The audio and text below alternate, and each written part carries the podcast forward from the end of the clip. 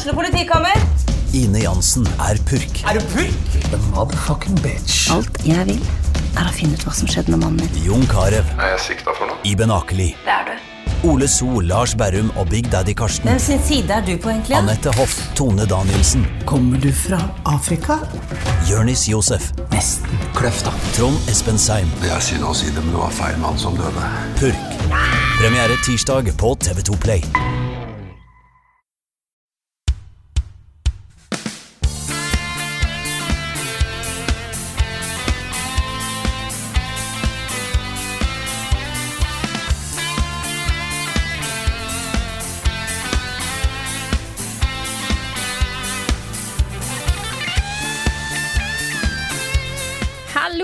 Sammen, og velkommen til en ny episode av podkasten Level Backup med meg, Frida Danmo, og med meg har jeg som vanlig Karl Martin Hogsnes og Rune Fjell Olsen. Hallo, alle sammen. Hei, hei. What up? It's your boys. And grill. And grill. And grill. Nei, hvordan har vi det? Går det bra? Ja. Ja. Yeah. Det er jo eh, straks påske. Ingen planer. Ingen planer for påsken? Bare ta og slappe av? Jeg håper det. Ja. Det kan hende at det er noen andre her i familien som uh, tenker at vi bør ha en del planer og gjøre en del ting i påsken. Så jeg tror vi er litt sånn delt på midten der. ja, for litt Ja. sånn som de fleste sikkert har fått med seg, så er det påske neste uke. Så denne podkasten her tar en liten pause neste uke, men det blir andre ting. Ja da. Vi setter oss ned i, eh, eh, på fredag, også det blir jo da i dag, som podkasten kommer ut, og lager en Sekiro spoilercast. Så det blir da en neste ukes podkast blir det. Det blir ikke en vanlig episode. Vi kommer ikke til å kalle den liksom Level Backup episode 221. Det blir liksom Sekiro spoilercast. Men den kommer da ut eh, i samme strøm, da, som Ja. den er. Så det, det, det blir en ren spoilercast. Vi skal gå gjennom storyen og endgame-bosser og forskjellige alternative slutter og alt mulig rart. Så um, ja. Da, er Da får vi, da får vi liksom samla Sekiro-praten i den, den spoilercasten. Så slipper folk å tenke at Yes. herregud, nå kommer de bare til å snakke om Sekiro i mange uker framover. Da skal vi prøve å tømme oss i den spoilercasten, så det ikke blir så mye uh, Sekiro ellers. Og det blir da med deg og meg, Carl, Yes, med Svendsen yes. og med Niklas Halvorsen. Så vi blir fire soulmates Mm. som skal gå gjennom eh, et veldig bra spill. Så er det Herlig. bare Frida dere trenger å savne neste uke. Ja. Mm. Håper dere savner meg litt, i hvert fall. Men du kommer tilbake. Ja, jeg kommer tilbake, vet du. Det er ikke, dere har ikke sett det siste av meg, vet du. Nei, Frida har ikke hashtag slutta i level up. Hva har du spilt? Spilt i det siste?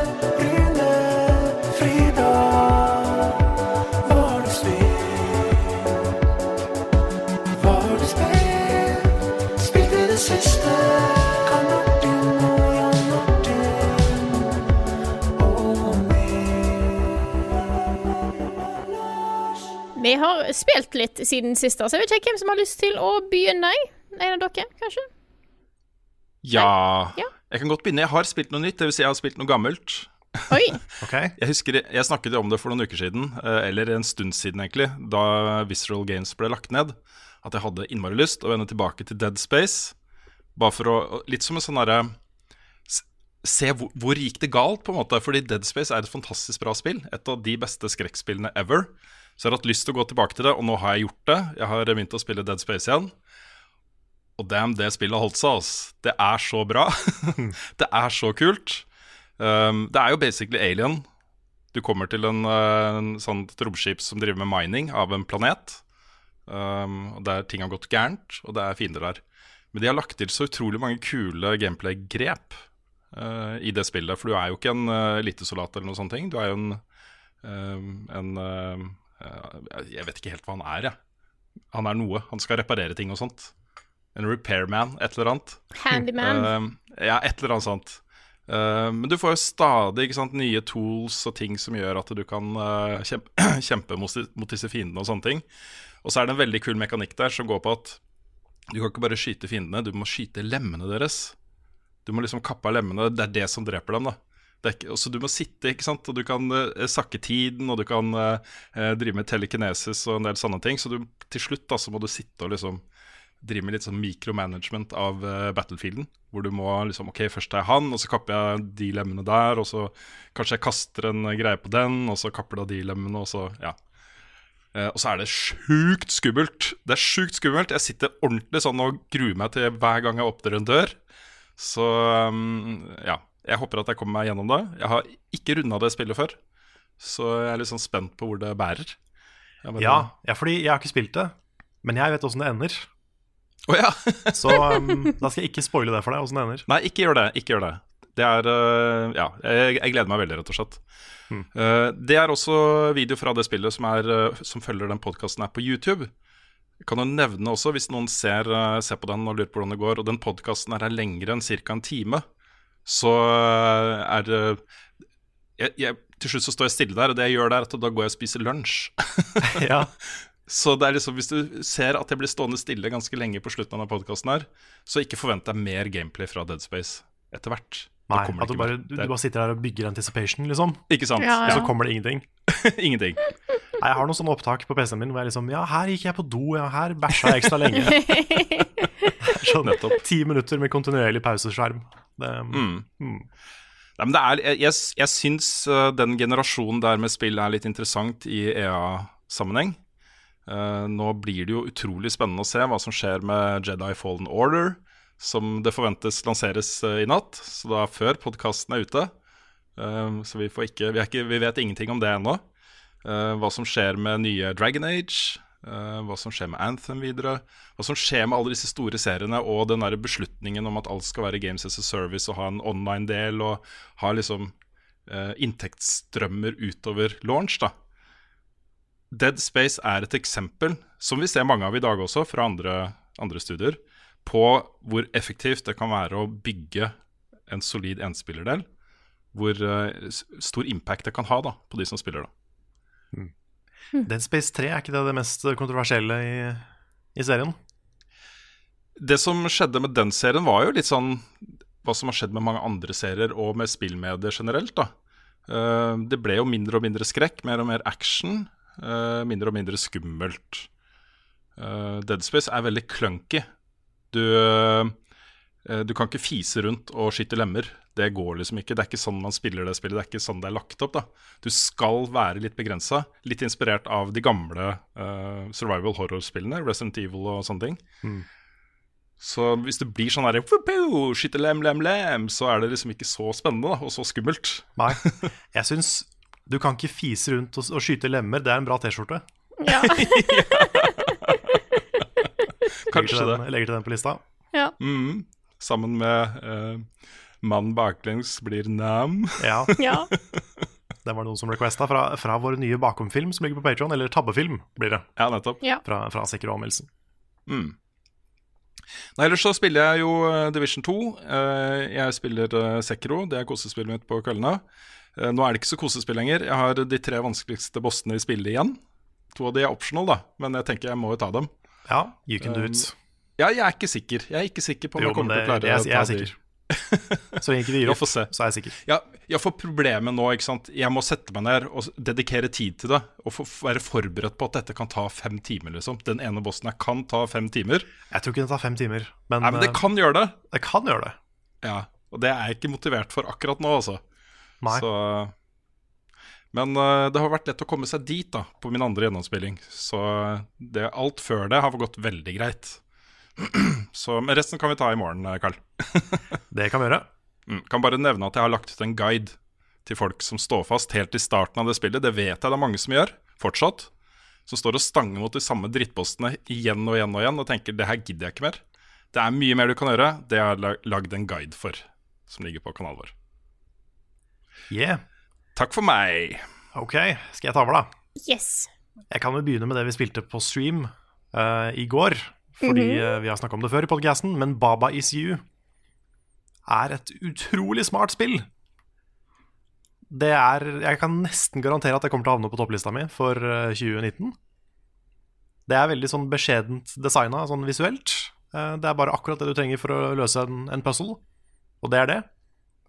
Men de bruker jo sånne hva skal- man beskrive? Jeg har prata om det før, men sånn at det er sånne programmeringsfunksjoner, nesten.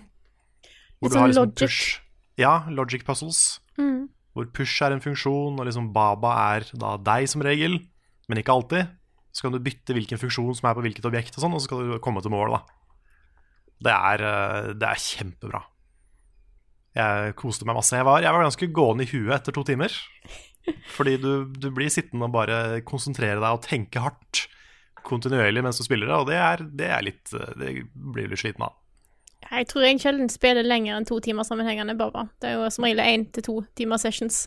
Mm. Um, noe lenger det blir sånn Å, nå orker jeg ikke mer. Jeg klarer ikke, klarer ikke finne ut hva, hva skal den boksen være. Hvorfor er den der? Hva skal jeg, hvor skal jeg hente den? Og sånt. Ja. Mm. Kommer en ny skjerm, og så bare Å, det er tolv commands. ja. Bare herregud, jeg orker ikke dette her nå. Men det Nei. Det er ikke fare, hmm? det er ikke fare for at dette siver litt over. Man har jo den derre um, effekten om at ting man spiller, liksom blir med deg. Jo, Videre? jeg tenkte på det. At jeg, dette her er nok et spill du kan få sånne mareritt om hvis du, Ja. eh, hvis du spiller intenst og lenge. ja. Bed is you. Lunch, lunch Ja. is bed. Life is meaningless. Ja. Nei, det, det, du får nok litt sånn Tetris-effekt av å spille det lenge. Mm. Mm. Det tror jeg. Jeg gikk og tenkte på det etterpå. Sånn eh, noen av de tingene vi ikke løste. Ja. Sånn, hva, hva var det meninga vi skulle gjøre der? Hva skjer hvis vi gjør sånn og sånn og sånn?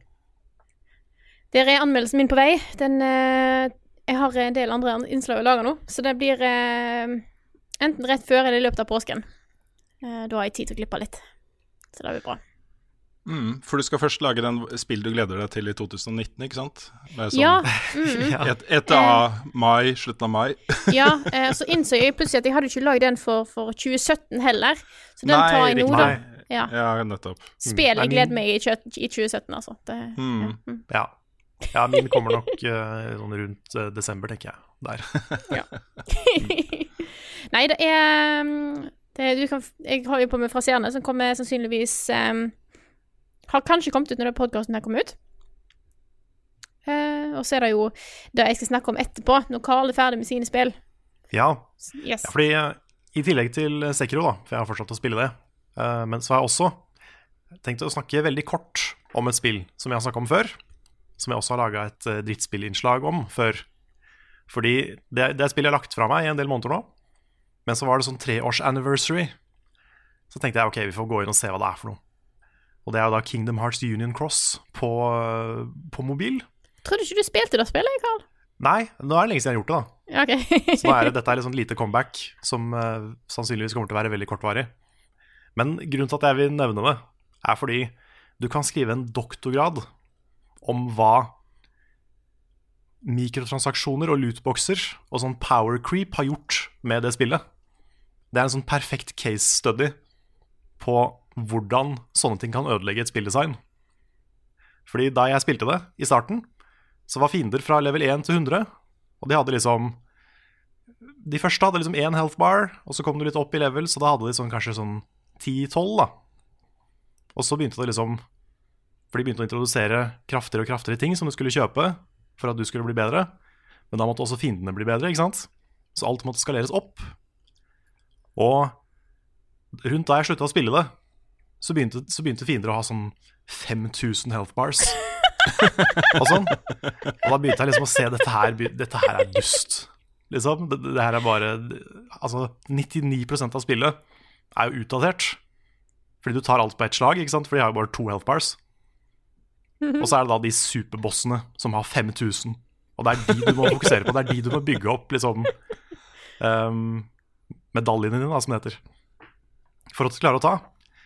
Og så titta jeg innom i dag, eller i går, bare for å se åssen det gikk med spillet nå. Og der fant jeg en boss som hadde 1 200 000 health bars. Så det har jo bare fortsatt og fortsatt og fortsatt å eskalere.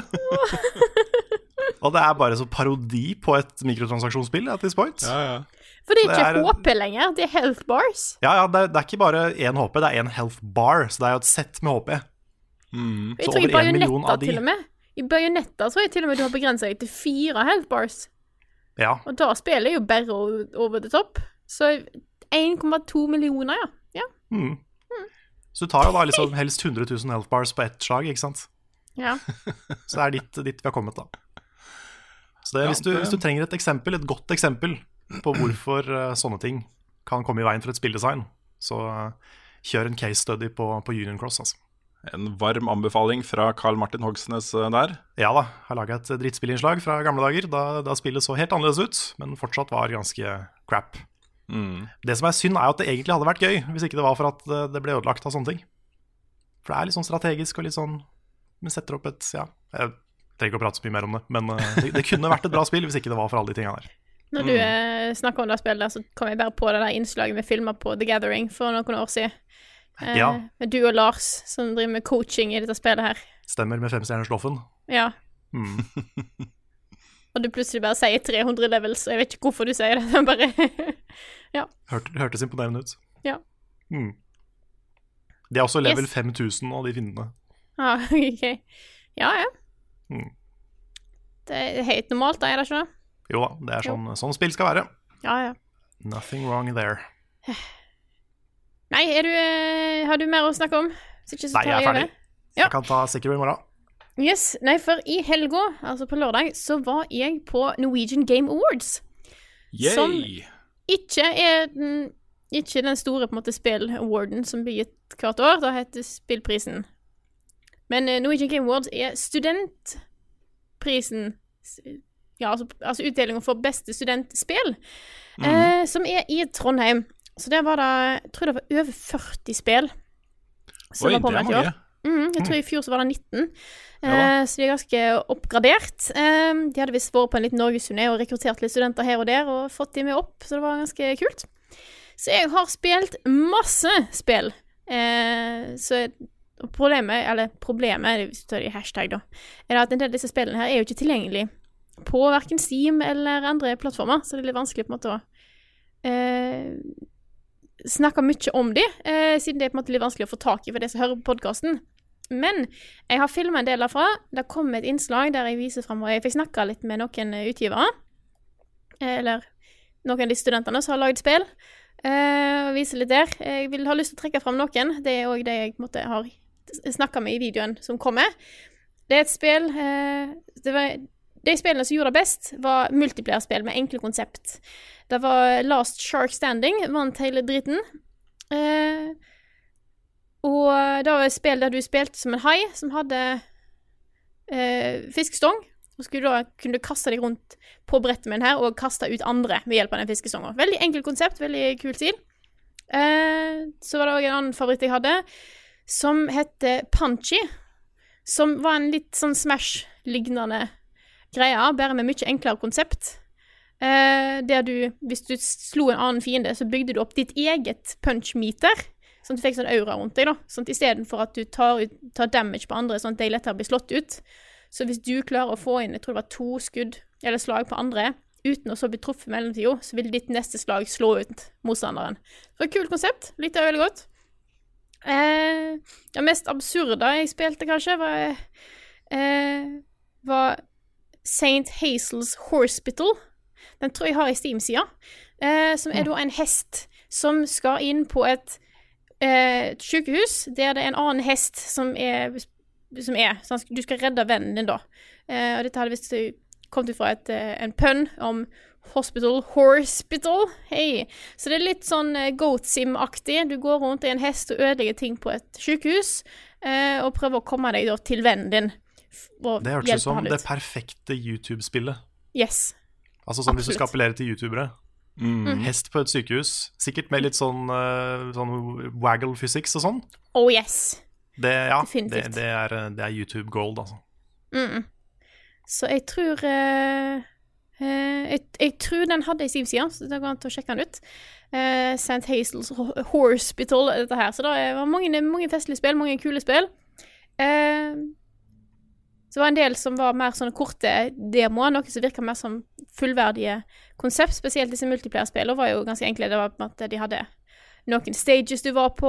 eh, eh, det var noen der du skulle være piratskip og skubbe andre ut forbi kanten på en liten sånn øy. Eh, en del mer sånn singleplayer-opplevelser. Det var et som var eh, Som jeg tror het Apple Night, som var et litt Du gikk rundt, det var veldig svart-hvitt og rødt stil, så veldig sånn eh, downwell-feeling på det. der du skulle gå rundt og slå ut eh, motstandere. da, Så det er veldig enkelt konsept, veldig kult. Eh, så det er veldig stilig å se hva studenter rundt omkring i Norge får til, altså, fordi at eh, det var veldig mye stilig der. Eh, oi. Det var meg. Jeg vet ikke hva det var. Carl fikk sånn 20 Herlig meldinger på en gang. Ja. Ja, det kom bare 40 meldinger. Ja. Ja, ja. Ja. Nei, eh, jeg syns det er kult å se hvor eh, mye kult som studenter klarer å få til. Eh, så jeg, jeg koste meg. Jeg gikk rundt der og testa litt ulike spill og eh, Kreative folk, altså. Så jeg, eh, jeg gleder meg til å se. Kanskje jeg kan eh, prøve å ta turen til neste år. Jeg har jo faktisk ikke vært med på det før, selv om det er i Trondheim. Det har aldri passa, egentlig. Men nå eh, så har jeg litt fått litt sånn Det var veldig kult å være der, se hva som finnes. Det er jo kanskje spill som kanskje kommer ut eh, etter hvert eh, til, eh, til det store marked, så kanskje kommer litt opp og fram. Eh, det er jo sikkert mange av disse her som kan bli viktige i Spill-Norge, da, i framtida, Mm. kan jeg tippe meg. Kan jeg tippe, ja.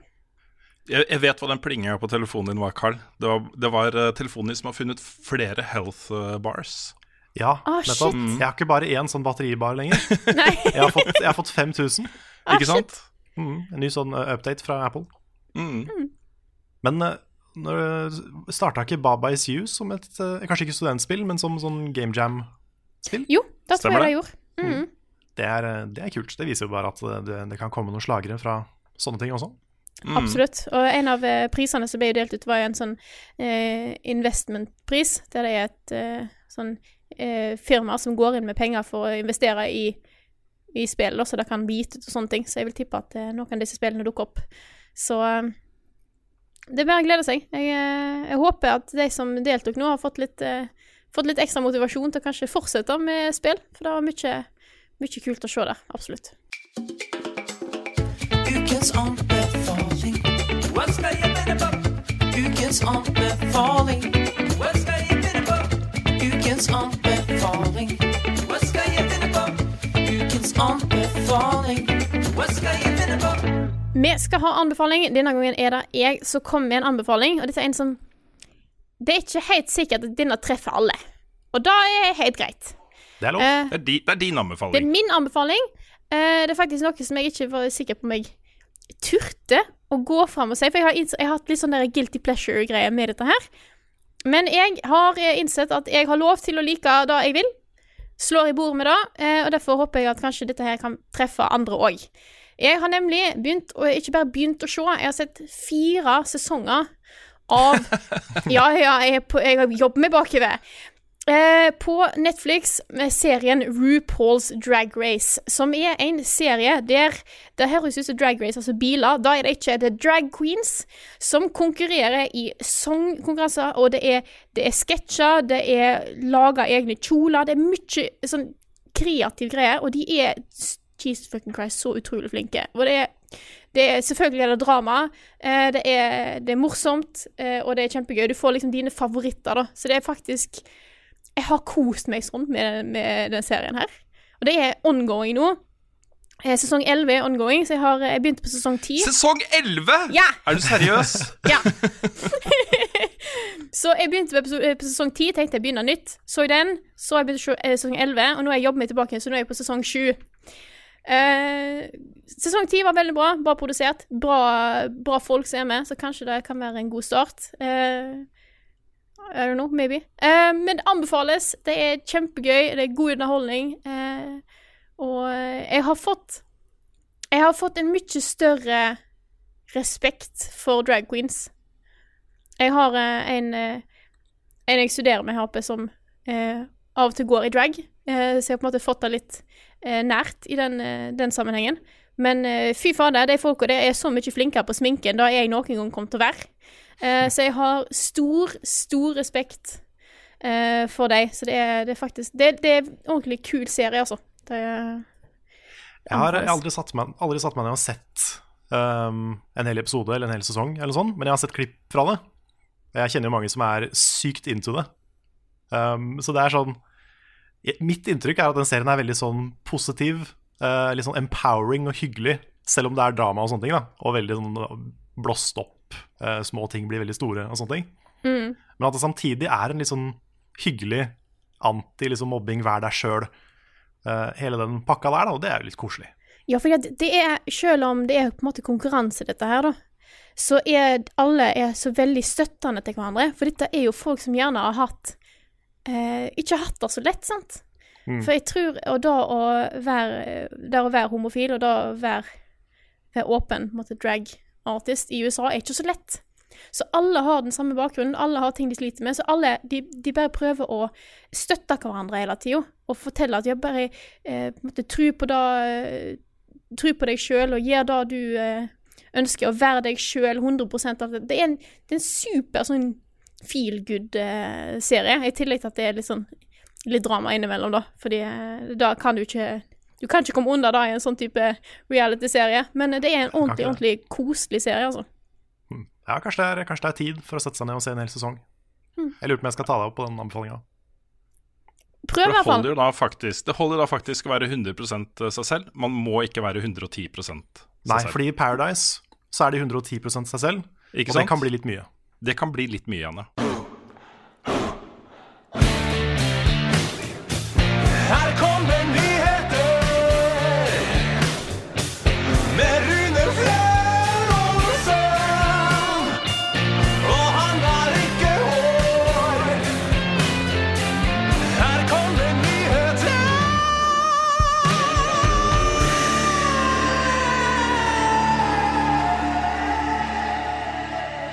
Er du klar med ry ny ryheter? Nyheter? Skal vi ta den en gang til, eller skal vi bare kjøre på sånn? Jeg Ja da. vi kan bare Kjør kjøre på! Ja da. Kjør på. Ja, Er du klar med ryheter? Med Eh, nyheter. riet- Rietene Jeg prøvde. Veldig bra.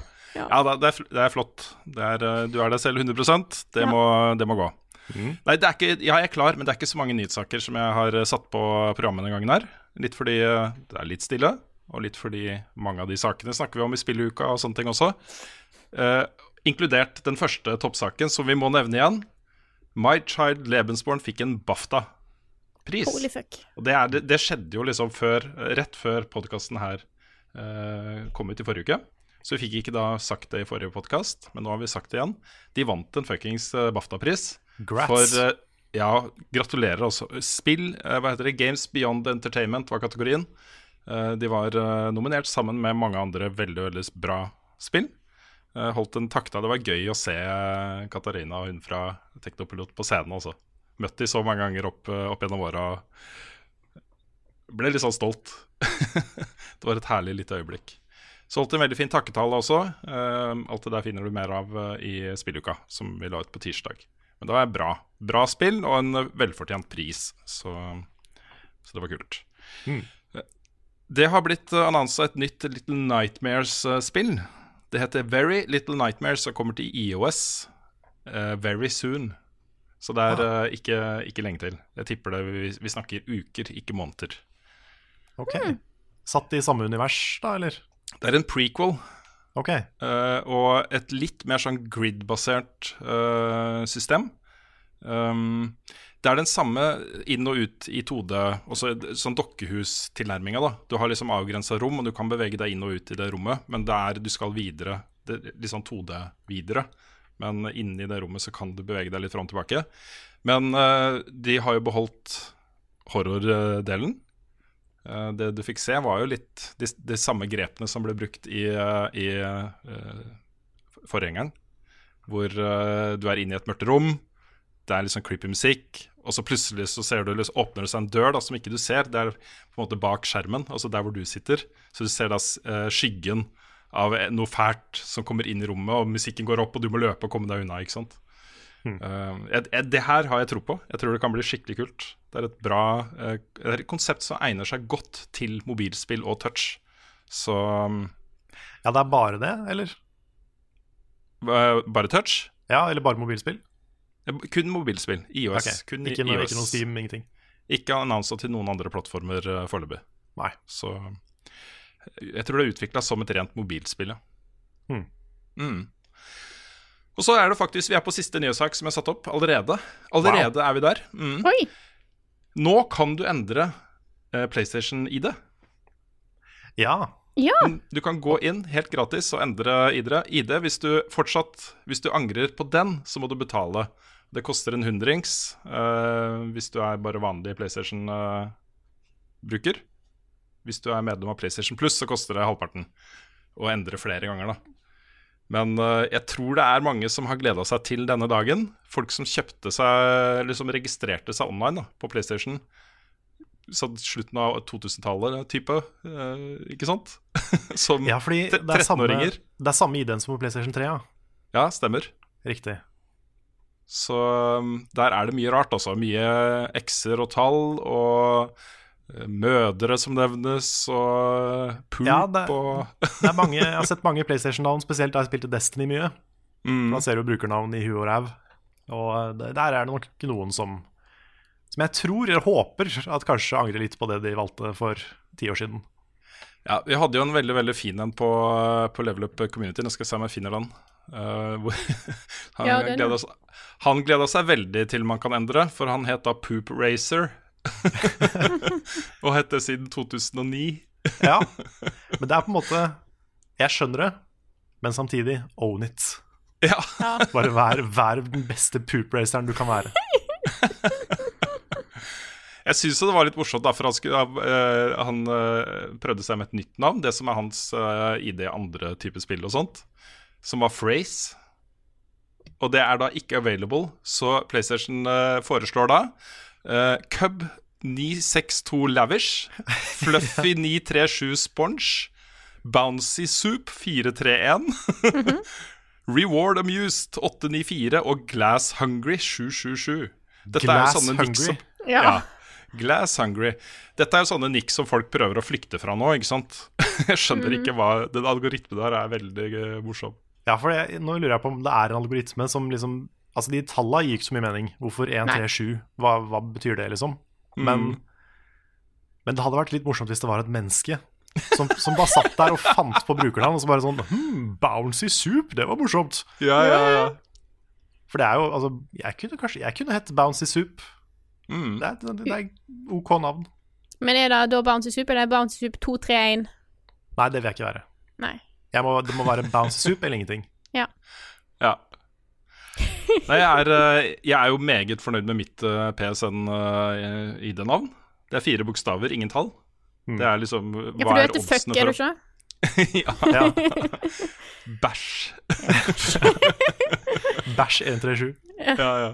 Nei, sorry. Nei da, det er, det er fire, fire bokstaver. eh, ikke, ikke noe tull med det, liksom. Det er, skjønner ikke hvordan jeg klarte å få til det. Nei, jeg håper neste gang det kommer sånn ID-system, så får vi en konsoll tilsendt veldig tidlig. Sånn at vi kan bare være Rune Carl Frida. Mm. Og bare stjele den før alle. Mm. Det hadde vært fett. Ja. Nei, jeg var jo også såpass tidlig på Twitter at jeg kunne nok ha valgt noe som var enda nærmere bare Rune.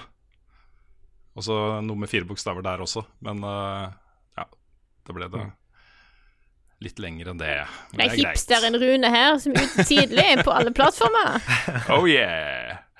Oh yeah. Jeg har, eh, jeg, har, eh, jeg har ID på nesten alle de der hippe, kule tingene som kom opp uh, gjennom åra. det er ingen av dem jeg bruker, da. Nei. Så Nei, er du stor på TikTok ennå? Stor på TikTok. Ja. Jeg eh, legger ut uh, mimer til Led Zeppelin. Nei, jeg gjør ikke det. Men det, TikTok er en plattform jeg syns vi seriøst bør vurdere etter hvert. Altså, fordi eh, det er folk på vår alder som gjør morsomme ting der, som er kule. Og som uh, når kidsa, ikke sant? Har dere hørt, apropos, om den, uh, den tjenesten som heter Stardust? Jeg så det dukka opp noe på Netflix, men jeg har ikke sett noe inn i hva det er. Nei, jeg tror i hvert fall den het Stardust. Men det, Ja. er, eh, det er en sånn greie hvor du registrerer deg for å anmelde filmer på video. Og resultatet er at alle prøver å være en sånn billig knockoff av Nostalgia Critic og Angry Video Game Nerd og sånn. Ja, ja. Og noen er sikkert flinke, så jeg skal ikke skjære alle over en kam. Men jeg får litt vondt, ass. Det er så mange som prøver liksom Det er ingen som tar det Altså det er ingen som anmelder filmene. De prøver bare å si morsomme ting. Mm. Og mye av det er ikke morsomt. Nei. Og det mm, Ja, jeg fikk, jeg fikk litt vondt av å se noen av de klippa der. Så jeg tror ikke jeg skal melde meg på Stardust. Jeg tror det er helt greit å ligge unna. Eh, Bare tilbake til PlayStation-ID-en. Hvis noen lurer på hvordan man endrer den, så kan du gå inn via konsollen på account management og endre der. Eller du kan logge deg, eh, logge deg inn på PlayStation Network på PC eller Mac eller mobil eller hva som helst. Alt med nettleser. Eh, logge deg inn der og endre der. Det er også mulig. Det er også noen spill som ikke eh, takler det der så bra. Det er ingen, så vidt jeg kan se, av de store online-spillene som folk spiller mest av nå. Men litt eldre spill, type Killzone og sånt, sliter litt. Hvis du har en konto der som du har opparbeida deg masse stæsj i, f.eks., så kan du risikere å miste det da, hvis du eh, endrer nick. Men jeg ser eh, sånne spill som Division og Destiny og Anthem og alle de nyere tingene sto, ikke på den lista, så jeg går ut ifra at eh, du er safe der, da. At ikke du mister noe progress eller noe items eller noe sånne ting. eh, hvis du endrer nick. Men det kan være greit å bare gjøre litt research på det også, sånn at ikke du gjør noe du angrer på der. Da kan du eventuelt kanskje endre nikk tilbake da, til ditt gamle og få det lutet ditt tilbake igjen. Kan jeg komme med en siste liten nyhet og en minianbefaling? Som Absolutt. ikke er spillrelatert. Oi. Ja, det Ja. er litt mer usikker, men uh, la gå. Du får klippe det vekk i verste fall. Det er en nyhet som kom onsdag klokka tre, som er noe av det største som har skjedd Ja, i science-verdenen det. på en stund. Vi må jo snakke Ja. om det. Jesus fucking Christ, de har tatt det første på en måte bildet av et svart hull. Dette er så stort. Det, det er helt insane. Eh, nå er det ikke direkte. Er det ikke sånn at de har på en måte stilt inn et superteleskop og bare sånn Å, der var det. Knips. Det, det ser ikke helt sånn det funker. Så min anbefaling, ekstra anbefaling, er å finne en video eh, på dette her som forklarer hvordan de har tatt dette bildet her. For det er helt insane. Eh, en av tingene de har gjort, har hatt masse, sånn som jeg har forstått det i hvert fall, masse teleskop rundt omkring på jorda som har peilet seg inn på samme område, tatt inn masse data. Så er det ei dame, genial dame på 29, som har lagd en algoritme for å behandle denne dataen, som gjør at du basically ser på liksom jorda vår som en slags linse med all denne dataen, dataen og kan da liksom lage dette bildet her. Hun hadde, som jeg har fått med meg, en TED-talk i 2017 som handler om hvordan kan du ta bilde av et svart hull. Sa dette, da sa hun at dette her kommer til å få til noen få år, og nå har de faen meg gjort det. Det er kult, altså. Lys rundt et svart hull er interessante greier. Da begynner du å nærme deg litt sånn som dere har sett i Interstellar, sikkert. For det er faktisk en veldig god måte eh, og viser fram hvordan et svart hull fungerer, med lys som blir bøyd rundt pga. Eh, relativitet og tyngdekraft, sånne ting.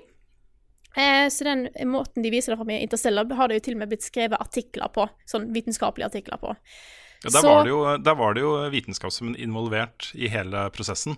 Mm. Eh, og det var viktig for uh, Nålen å eh, være liksom på lag med de, da. Ja.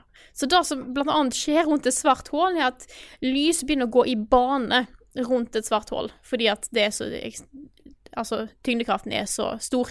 Eh, da vi bl.a. kan se på, på måte, hash, altså hermetegn framsida av et svart hull er egentlig baksida, fordi at lys blir bøyd rundt hele dritten.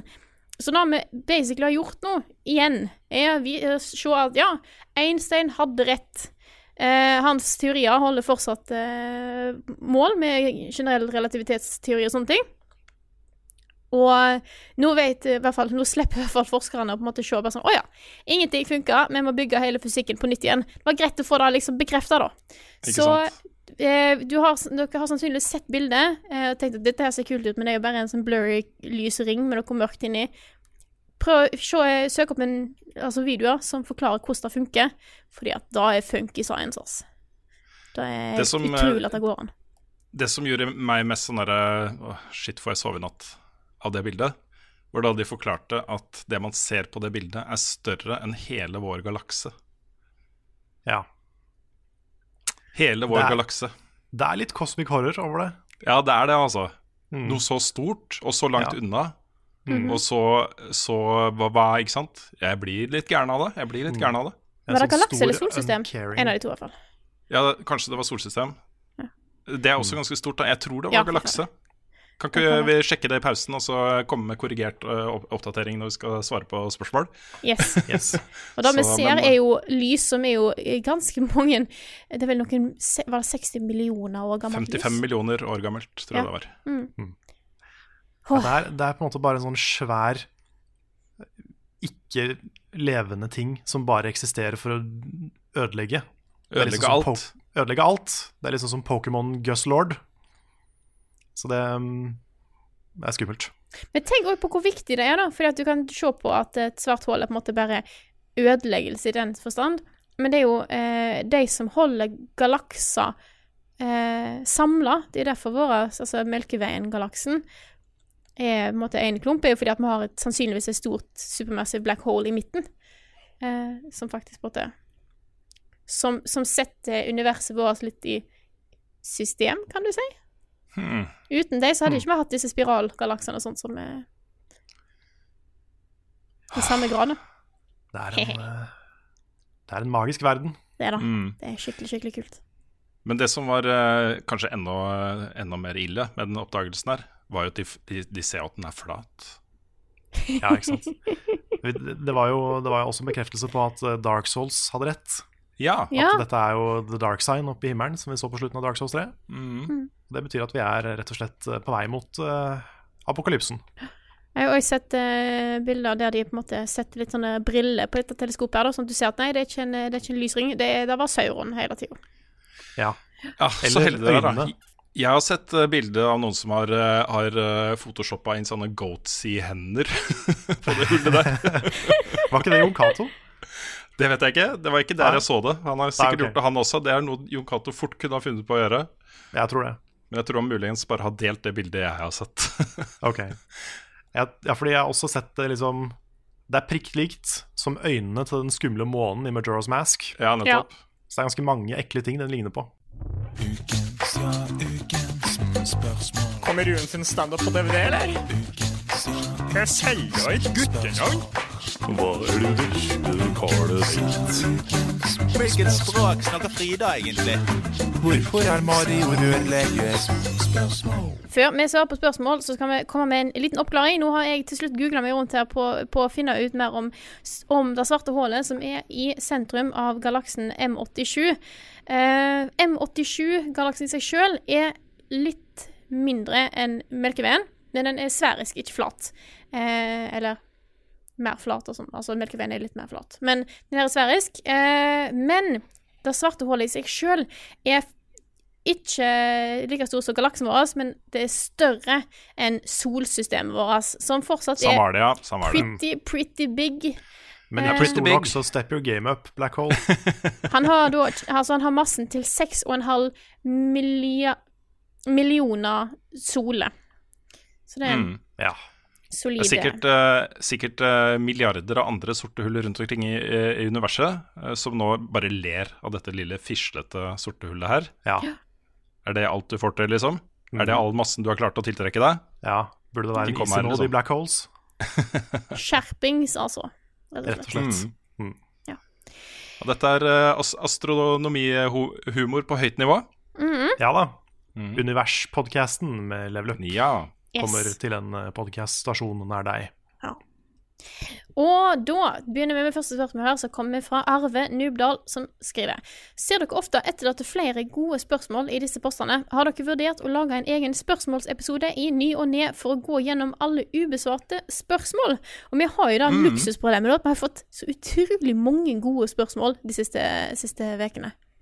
Mm. Så eh, Det har alltid vært sånn at vi har, vi har aldri svart på Ja, det, jeg vil ikke si aldri, for vi har lagd eh, 220 episoder. Det begynner å bli en del. Det kan hende at det har skjedd at vi har svart på alle spørsmålene, men mest sannsynlig så har vi ikke det. Vi har alltid gjort et utvalg, eh, og det er jo da basert på hva vi uh, tror det er gøy å svare på, og hva vi har lyst til å svare på. Og nå kommer jeg til å nyse hvert øyeblikk. Oi, Det kommer, prosit. det kommer en til, uh, sikkert. Kanskje to. OK. Eh, så det, det, det har aldri vært meningen at vi skal svare på alt. Jeg skjønner at noen kan synes det er litt kjipt. Kanskje til og med det er noen som føler at, eh, at det blir forbigått mange ganger. Og vi prøver jo liksom ikke å gjøre det, da. Men forslaget til Arve syns jeg var godt, Mm. fordi det er jo fullt mulig for oss å bare sette oss ned kanskje en gang i måneden eller et eller annet, samle opp en hel haug med spørsmål og lage en sånn bonusepisode hvor vi bare svarer på spørsmål. Ikke noe mer, liksom. Bare det, er det, det er det vi gjør, da. Ja, sant. Det er også en bra kandidat til sånne Nå blir det Sekiro Spoilercast neste uke, men Mm. eh, til en sånn innimellom, når ikke det kommer vanlig podcast-episode. da Det er en, det er en veldig god idé. Mm. Så den, den tar vi med oss videre. Ja. Det kan Ja. hende da, eh, ofte at vi ikke velger et spørsmål fordi vi har svart på det før. Så hvis det er noen som har Ja. stilt et veldig bra spørsmål, men eh, vi har svart på det for tre episoder siden f.eks., så kan det også være en forklaring på at vi ikke har valgt det.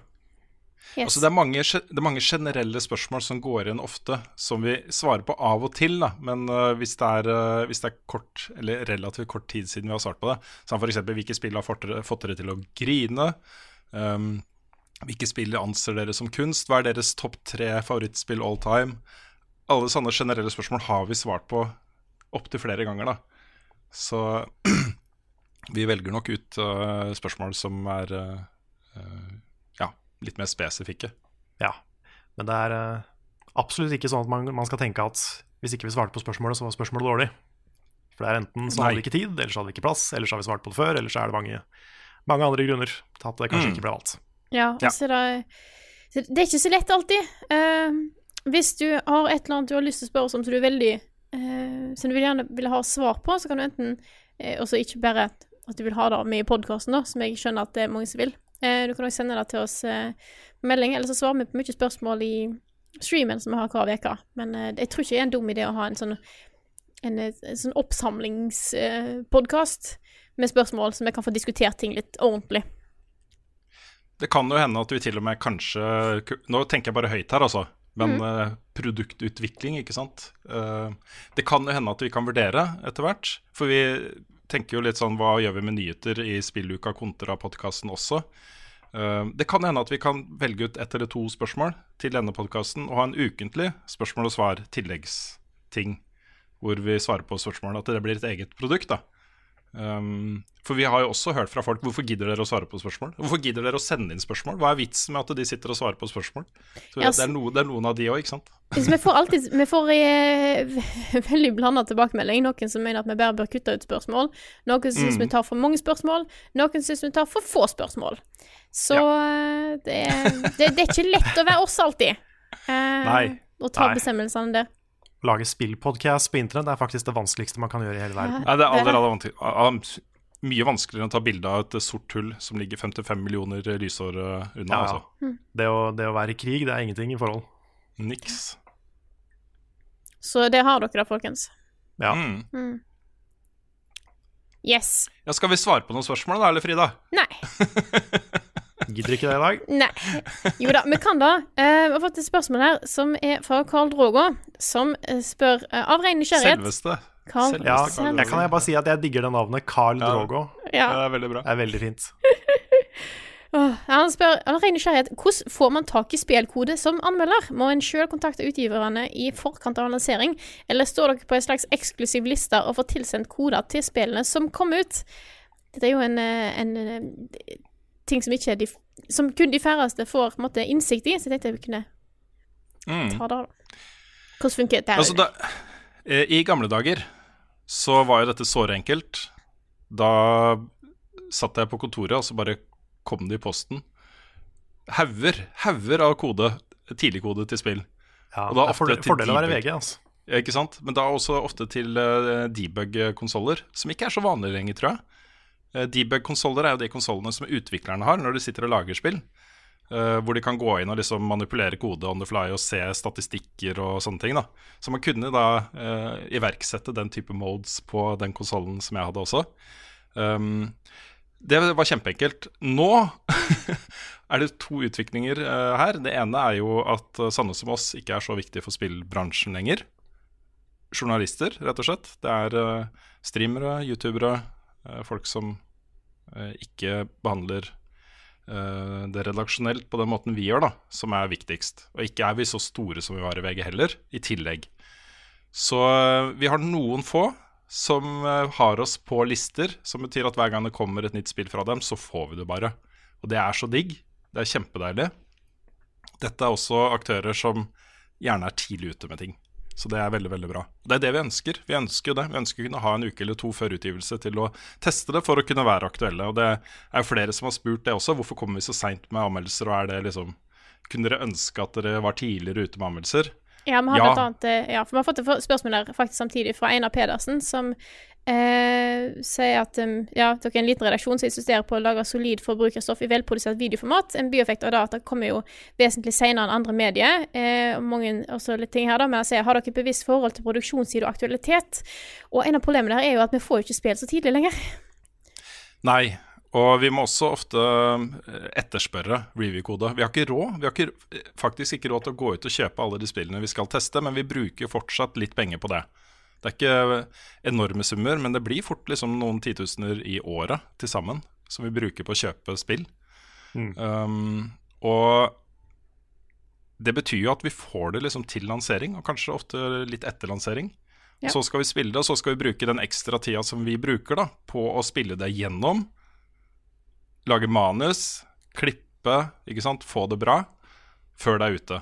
Um, da tar det, det tar ofte litt for lang tid også. Jeg, jeg, jeg syns ikke det er noe kult at anmeldelser kommer liksom tre-fire uker etter lansering. Det bør være liksom s- maks én uke, tenker jeg da. Ja. um, Ja, for jeg, jeg tenker litt sånn at hvis vi får spillet tidlig, og rekker å legge det ut ved embargo, da, samtidig som alle andre legger det ut, så er det kjempekult. Mm. Det er det beste.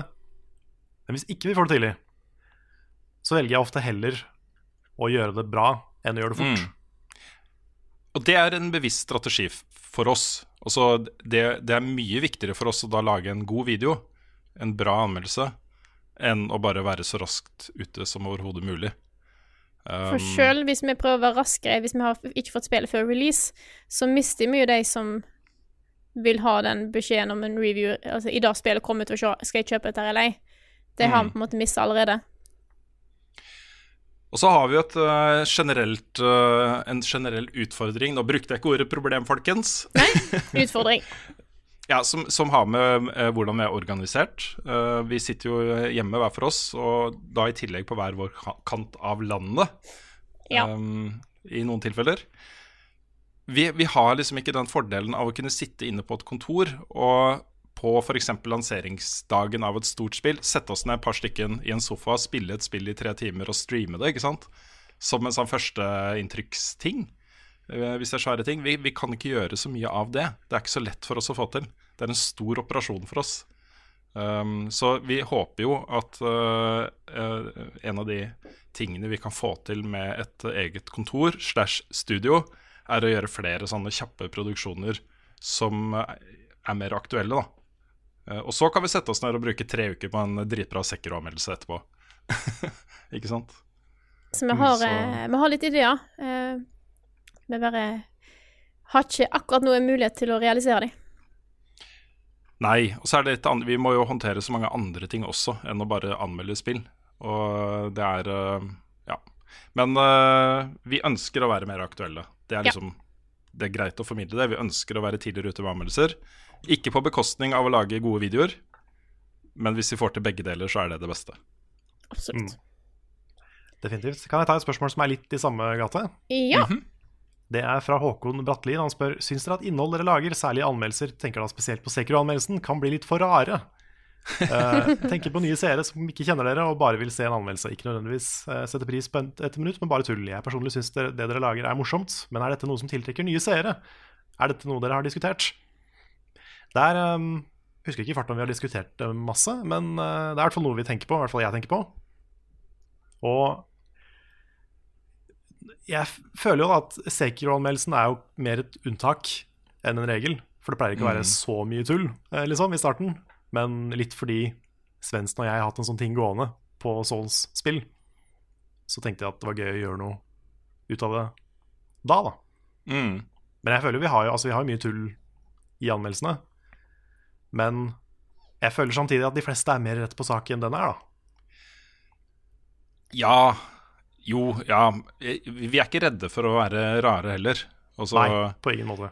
Nei. Og um, jeg, jeg tror ikke det er et problem for oss, egentlig, sånn generelt sett. Det er, jeg syns det er litt kult at hvis folk går inn på eh, kanalen vår på YouTube uten å være uh, subscribers, så er det den der grytevideoen de får opp som trailer for kanalen Ja, vår. det er sant. Jeg, jeg syns det er litt gøy, jeg. Jeg syns det er litt kult. Ja, altså det er jo en, det er en god indikator på hvem vi er. Mm. Men jeg ser samtidig poenget da, at hvis du ser etter en anmeldelse av Sekiro, og så får du opp et svært bilde av Svendsen i kappe som sier 'det var meg hele tiden'. At du kanskje da klikker deg vekk, for det var ikke det du så etter. Ja, ja. Altså, den skjønner jeg, og den, det er en ting jeg har tenkt på. Så um, derfor så begynner ikke alle anmeldelser sånn som den begynner. Nei. Så det er, jeg ser absolutt poenget. Vil bare si det. Mm. At det er, det er, det er riktig tenkt, syns jeg. At det er en ting som er verdt å ha i bakhuet. Så det blir ikke nødvendigvis jo- mange Det blir ikke mange Altså kan, Jeg tror ikke alle anmeldelsene våre framover kommer til å ha plott. Nei, jeg tror ikke vi skal bygge opp enda mer law enn vi har nå. Nei, Nei. ikke sant. Men uh, Sekro-anmeldelsen er jo en av de mest sette videoene våre, uh, i hvert fall på så kort tid. Mhm. Så Ja, det det, er, det er jo et signal, det også, om at uh, folk ønsker at vi skal være de vi er. Mm. Ja, altså det, det blir ikke noe Vi skal ikke kutte ned på, kutte ned på bullshit, holdt på å si. Nei. Det er, det er viktig å ha med. Mm. Men sånn når og hvor i anmeldelsen vi putter det inn, det er også et poeng. da. Mm. Absolutt. Yes. Er det noen som har noen flere spørsmål på lager, eller? Jeg har et par stykker jeg har lyst til å svare på, i hvert fall. Ja. Det ene har vi fått fra mange, eh, inkludert av Martin Rismo, som lurer på om vi kommer på The Gathering eh, i påsken. Jeg har ikke mulighet. Um, du skal vel heller ikke, Carl? Jeg skal ikke. Men Du eh, skal ikke, Frida? Jeg skal ikke. Nei. eh, Bjørn skal dit. Nettopp. Han tar en tur. Så eh, Ja. det er i hvert fall mulig å, å støtte på han der. Mm. Nei, det er, det er rett Jeg elsker eh, TG. Jeg syns det er et uh, utrolig kult sted å være. Og Den stemninga der er sånn Den sitter i kroppen så lenge. Uh, så eh, det er synd at ikke jeg får mulighet til det. Men det, det er eh, vanskelig, vanskelig for meg å få til sånne, sånne ting i skoleferier, rett og slett. Om et par år vet du, så kan jeg ta med kidsa dit. Så det blir, noe, Ja, ja. det blir bra. Jeg tror jeg, Hvis jeg skulle fortsette med å lage nytt TG-innslag, så måtte jeg, jeg måtte ha vært der hele veien. Lagde nytt uh, sånn som jeg gjorde sist. Mm. Uh, jeg tror jeg er en av de mest sette videoene jeg har lagd. Den, eh, den teg, det TG-innslaget der. Ja, men da syns jeg du skulle tatt den helt ut og blitt ordentlig, ordentlig rosa blogger. Og sånn uh, skikkelig sånn på gulvet. Yes. Mm. Oh. Du kunne satt opp sånn derre På PC-pulten din kunne hatt sånn sminkelys rundt, vet du. Sånn derre ja. mm, Ja. Dette er da basert på en kommentar Frida fikk på videoen. Ja. Ja, ja. Ja, Ikke fordi Frida er en Nosa-blogger. Nei. Nei. Du, gikk, du gikk og filma ned midtgangen eh, på TG. Ja. Um, så var det noen som roper 'Hei, rosa-bloggen'. Ja. Og så 'Hei, bloggen min'. Jeg var hei rosa-bloggen. Jeg var sånn Å, jeez. Nå visste jeg ikke hva jeg skulle gjøre lenger. Sånn, hvordan skal jeg reagere på dette her? Å, oh, det var helt herlig. Mm. Og så, og så har jeg lyst til å svare kjapt på eh, spørsmålet fra vår gode venn Truls Nordby. Vi har til og med bodd i leiligheten hans da vi var i Tromsø på Tvibit for å holde uh, opplegg. Uh, som lurer på om vi har sett Afterlife, og hvorfor er det deres favorittserie? Dere kan også nevne hvor kul Joker-traileren var. Jeg har sett da begge deler, og eh, begge deler var awesome. Uh, den Joker-filmen, den også basert, bare basert på det de viste fram der, er det kanskje den filmen jeg gleder meg mest til akkurat nå. Men jeg tror ikke det- du så traileren, Rune. Hmm? Jeg trodde ikke du så traileren. Nei, jeg gjør jo egentlig ikke det. Uh, men han, var så, han insisterte så innmari på det. Så eh, jeg, Og jeg skal også nevne at jeg så ikke hele, for den er sånn type fire minutter lang. Og den er litt sånn der, jeg, Grunnen til at jeg ble sittende og se litt, er at jeg er ikke helt sikker på om alt dette her er med i filmen. For det er liksom backstoryen til Joker. Ja. Og um, Joaquin Phoenix der, altså. Jeg, eh, jeg er solgt, altså. Han, eh, jeg er veldig veldig glad i han som skuespiller. Og den prestasjonen han gjør der, er insane. Det er nesten som en liten sånn kortfilm, den eh, teaser-traileren. Jeg er spent på den videoen Nei, den videoen, jeg. Den filmen der, altså. Ja, Den har ikke premiere Ja. før i oktober da i Norge, så vi må vente lenge. Uff, Men eh, det er ikke lett. Ja, fordi det er, det er både det at de skal ha en backstory til Joker, mm, som alltid er litt skummelt å gjøre, og så i tillegg så er det jo Det, det fins jo mange gode eksempler på bra jokers, mm. så det er, jo, det er jo noe å følge opp. Han har eh, store sko å fylle der også, så Store, store klovnesko å fylle. Nettopp. Eh, men jeg føler jo at, eh, at de stedene han reiste til, da, for han er jo en sånn character actor. Han går jo veldig inn i de rollene han har.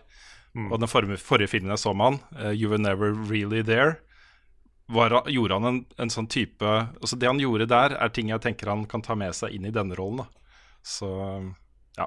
Jeg ble, hadde veldig sansen for det. Og Afterlife er jo den nye serien til Ricky Gervais. Vi hadde en liten diskusjon på hvor godt vi egentlig liker Ricky Gervais før podkastopptaket starta.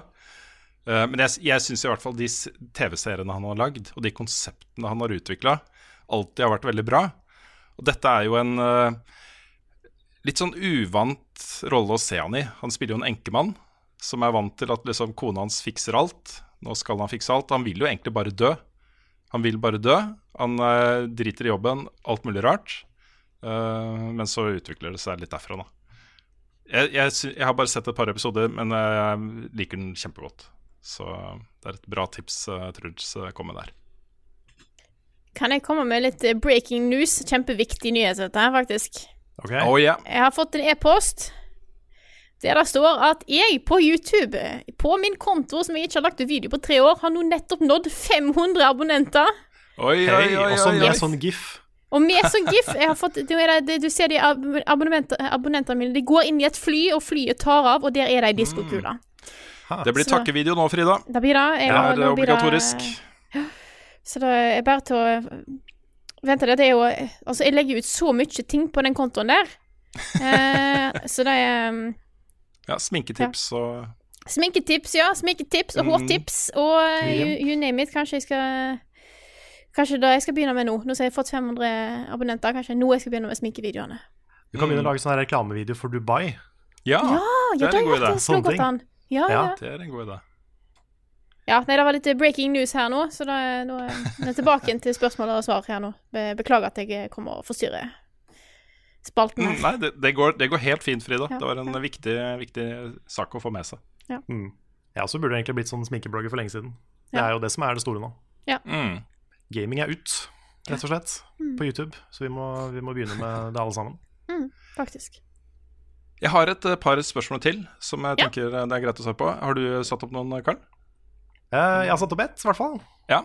Men vi vil gjerne ta, ta ditt. Jeg har et som jeg har lyst til å avslutte med, som et siste spørsmål, så jeg kan spare det til slutt. Ok, Ja. ok. Ja. Da kan jeg ta et, eh, Vi kan ta spørsmål nummer to fra Carl Drogo. Så får han Ja. dobbel, eh, dobbel deal i dag. Så Oi, oi, oi. noen får ingen spørsmål. Carl Drogo får to.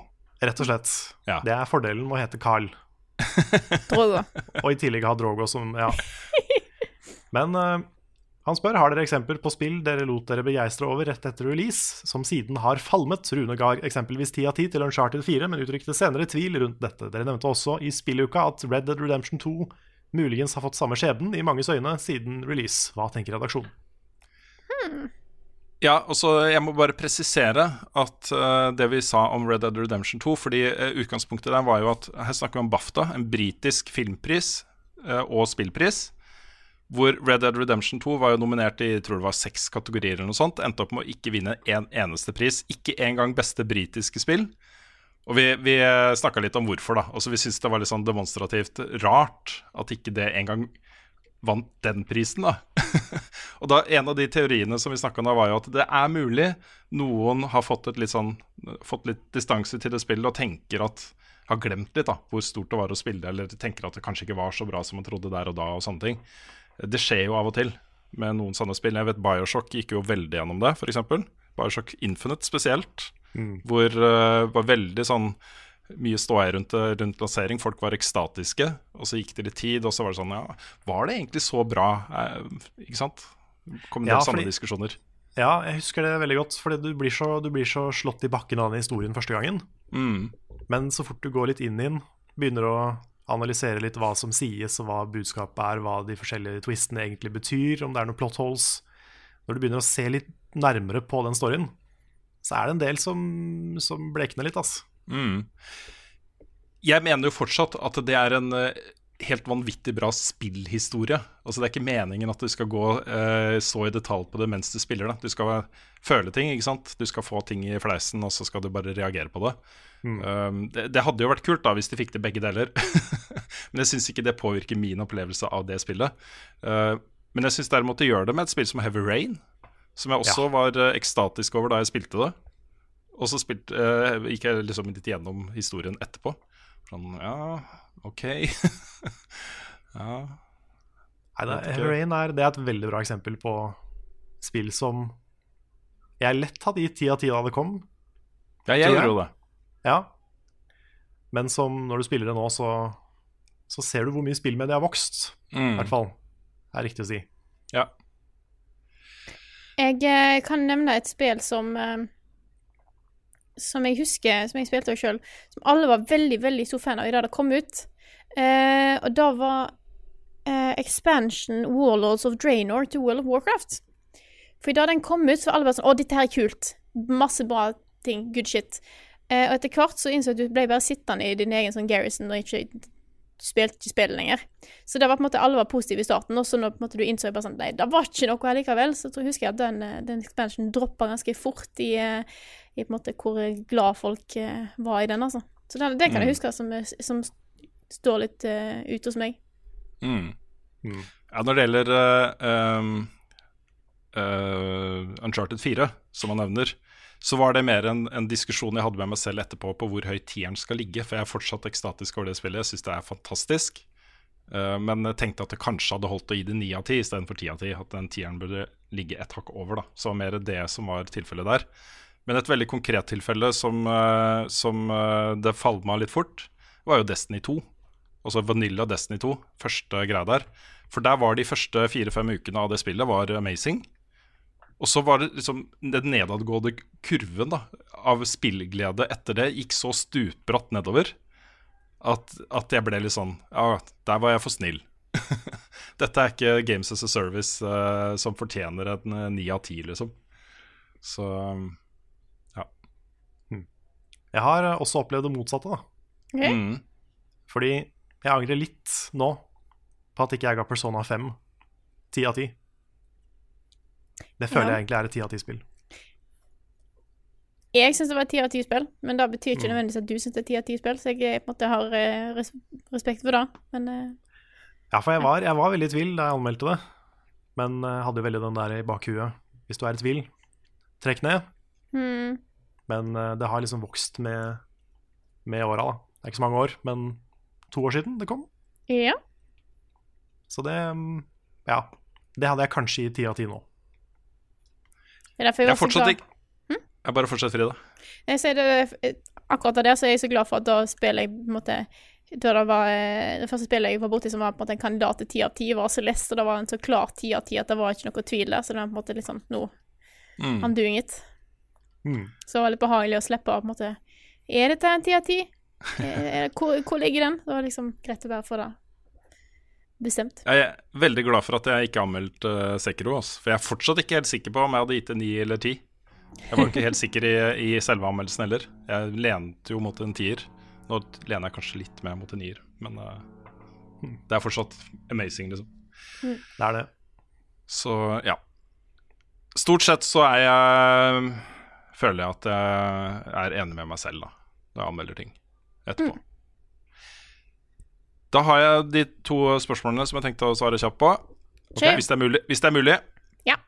Et her fra Jens KL Johansen, eh, som skriver da med ryktene om Jedi Fallen Order, angivelig fra Respawn. Det er ikke angivelig engang, det er fra Respawn Entertainment. Titanfall og Apex eh, Legends eh, og dudetsene.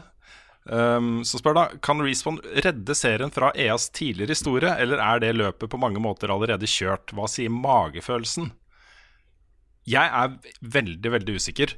Nå har det jo kommet flere artikler fra Jason, Jason Schreier i Kotaku. Et, en artikkel om Anthem-utviklingen, og nå sist da en eh, artikkel om Dragon Age 4-utviklingen. Hvor eh, det kommer ganske klart fram at presset fra EA om disse alternative inntektsstrømmene og Games as a Service og online components og, og sånne ting er veldig sterkt. Og spørsmålet er jo hvor, eh, hvor eh, fremtredende det er i Jedi Fallen Order, og i hvilken grad det har påvirka kvaliteten på spillet og arbeidsforholdene til utvikleren og, og, og sånne ting. da. Ja, min magefølelse er at Respawn er sterke nok til å håndtere det. Og de har også vist at eh, de ikke er noen motstandere av eh, mikrotransaksjoner og free to play og sånne ting. Apex Legends er jo et sånt spill. Men de har også vist at de kan lage bunnsolide enspillerkampanjer. Særlig da med Titanfall 2, men også tidligere med Modern Warfare 2 og 1. eh, første Call of Duty. De er gode på de der svære enspilleropplevelsene. De derre uh, Sitter i mellomgulvet, ikke sant? Så jeg magefølelsen min er ganske god. Jeg tror de fikser dette her. Jeg tror de kan lage noe som både gjør uh, alle investorene og EA og sånt, Patrick Søderlund, happy, og spillerne happy. Jeg tror det også. Mm. Ja, dere, hvis dere ingenting har å legge til, så tar jeg det kontroversielle siste spørsmålet. Ja, Ok, du vet. Det er fra Knut Johan Storbykås, uh, som skriver Ser dere fram til om to år, når vi skal slutte å stille klokka etter vintertid og sommertid? Det han sikter til, er jo at det er noe ganske bred politisk uh, uh, I hvert fall nysgjerrighet rundt det å fjerne sommertid og vintertid i eh, Norge, og bare ha én.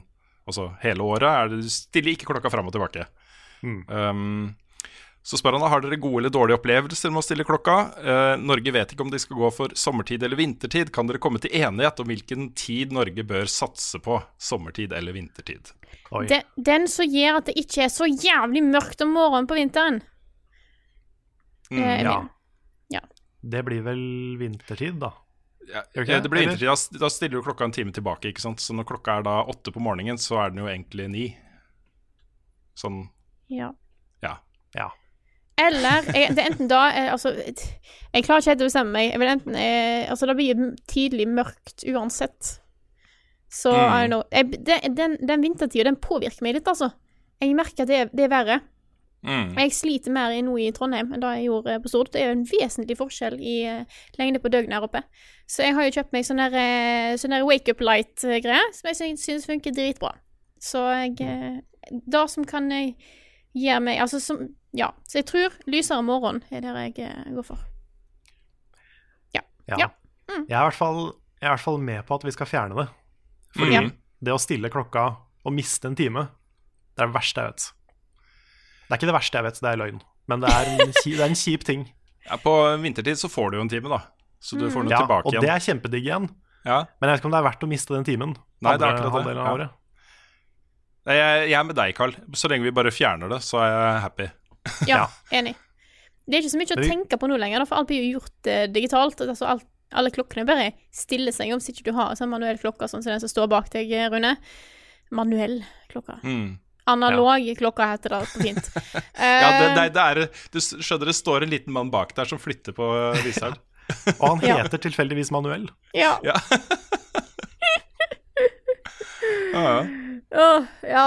Nei, så eh, Faulty Towers. Det er ikke så mye vi merker Ja da. Så jeg får ta det vekk.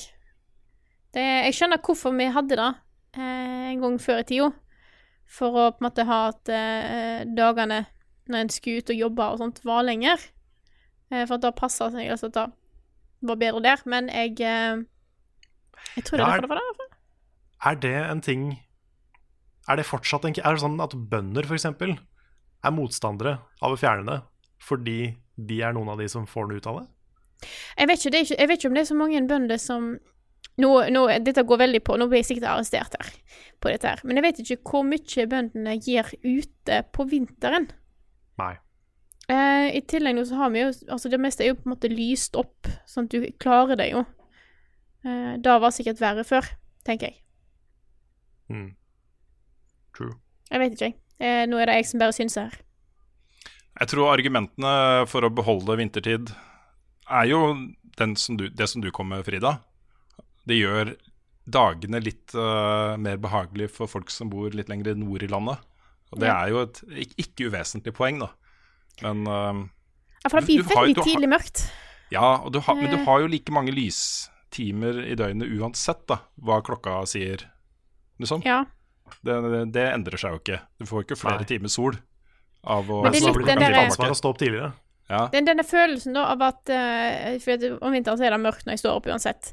Men hvis det da er mørkt idet jeg går til jobb, og når jeg går tilbake fra jobb, så føles det som det er mørkt hele tida. Mm. Så hvis den på ettermiddagslyset varer litt lenger, så kan det i hvert fall føles som at det har vært lyst i løpet av dagen. Mm. Så jeg ser den. Yes, men i hvert fall alle, alle er pro um, tid. Ja. Ja. Én tid. Mm. Ja. Og med det så var jo det siste spørsmål, så da tror jeg at det er på tide at vi runder av denne podkasten her, og satt med å si tusen takk til alle dere som støtter oss på Patron. Dere betaler lønna vår. Det setter vi veldig pris på. Ja, det er amazing. Enkelt og greit. Ja. Det er et Så- eh, lite eventyr. Det er det. Så tusen takk til alle dere som støtter oss. Og hvis du har lyst til å støtte oss med det beløpet du sjøl eh, har lyst til, så gå inn på patreon.com slash levelupnorge, så finner du oss der. Eh, hvis du da har støtt med fem dollar, så får du blant annet se den fantastiske tabbeklippvideoen fra Sekiro. Oh yeah. Yes. Featuring en, en svensk mann som nekta å gå. Ja, den er verdt et, et år med fem dollars uh, donasjoner, altså. Ja. Den bakom-filmen der. Ja. Ja, jeg hørte det fra Rune. Ja. Mm -hmm. mm. Og med det så sier jeg eh, tusen takk for oss. Takk for at du har hørt på denne episoden her av Level Backup. Og så snakkes vi ikke igjen til neste uke. Jo da, vi gjør det, men da blir det bare Sekiro-snakk, så det er ikke alle som eh, vil henge med på den, tror jeg. Men noen, noen vil jo det. Ja. Noen av oss her i podkasten vil være her neste uke. Eh, Yes. det er ikke sånn at jeg forsvinner av jordens overflate, men jeg er bare ikke i podkasten neste uke. Og så tar vi det derfra etterpå. Yes. Yes. Jeg prøver å finne ut om jeg pleier å si ha det på slutten av en podkast, men det tror jeg ikke. Vi, vi snakkes eh, i, i neste episode. Ha det.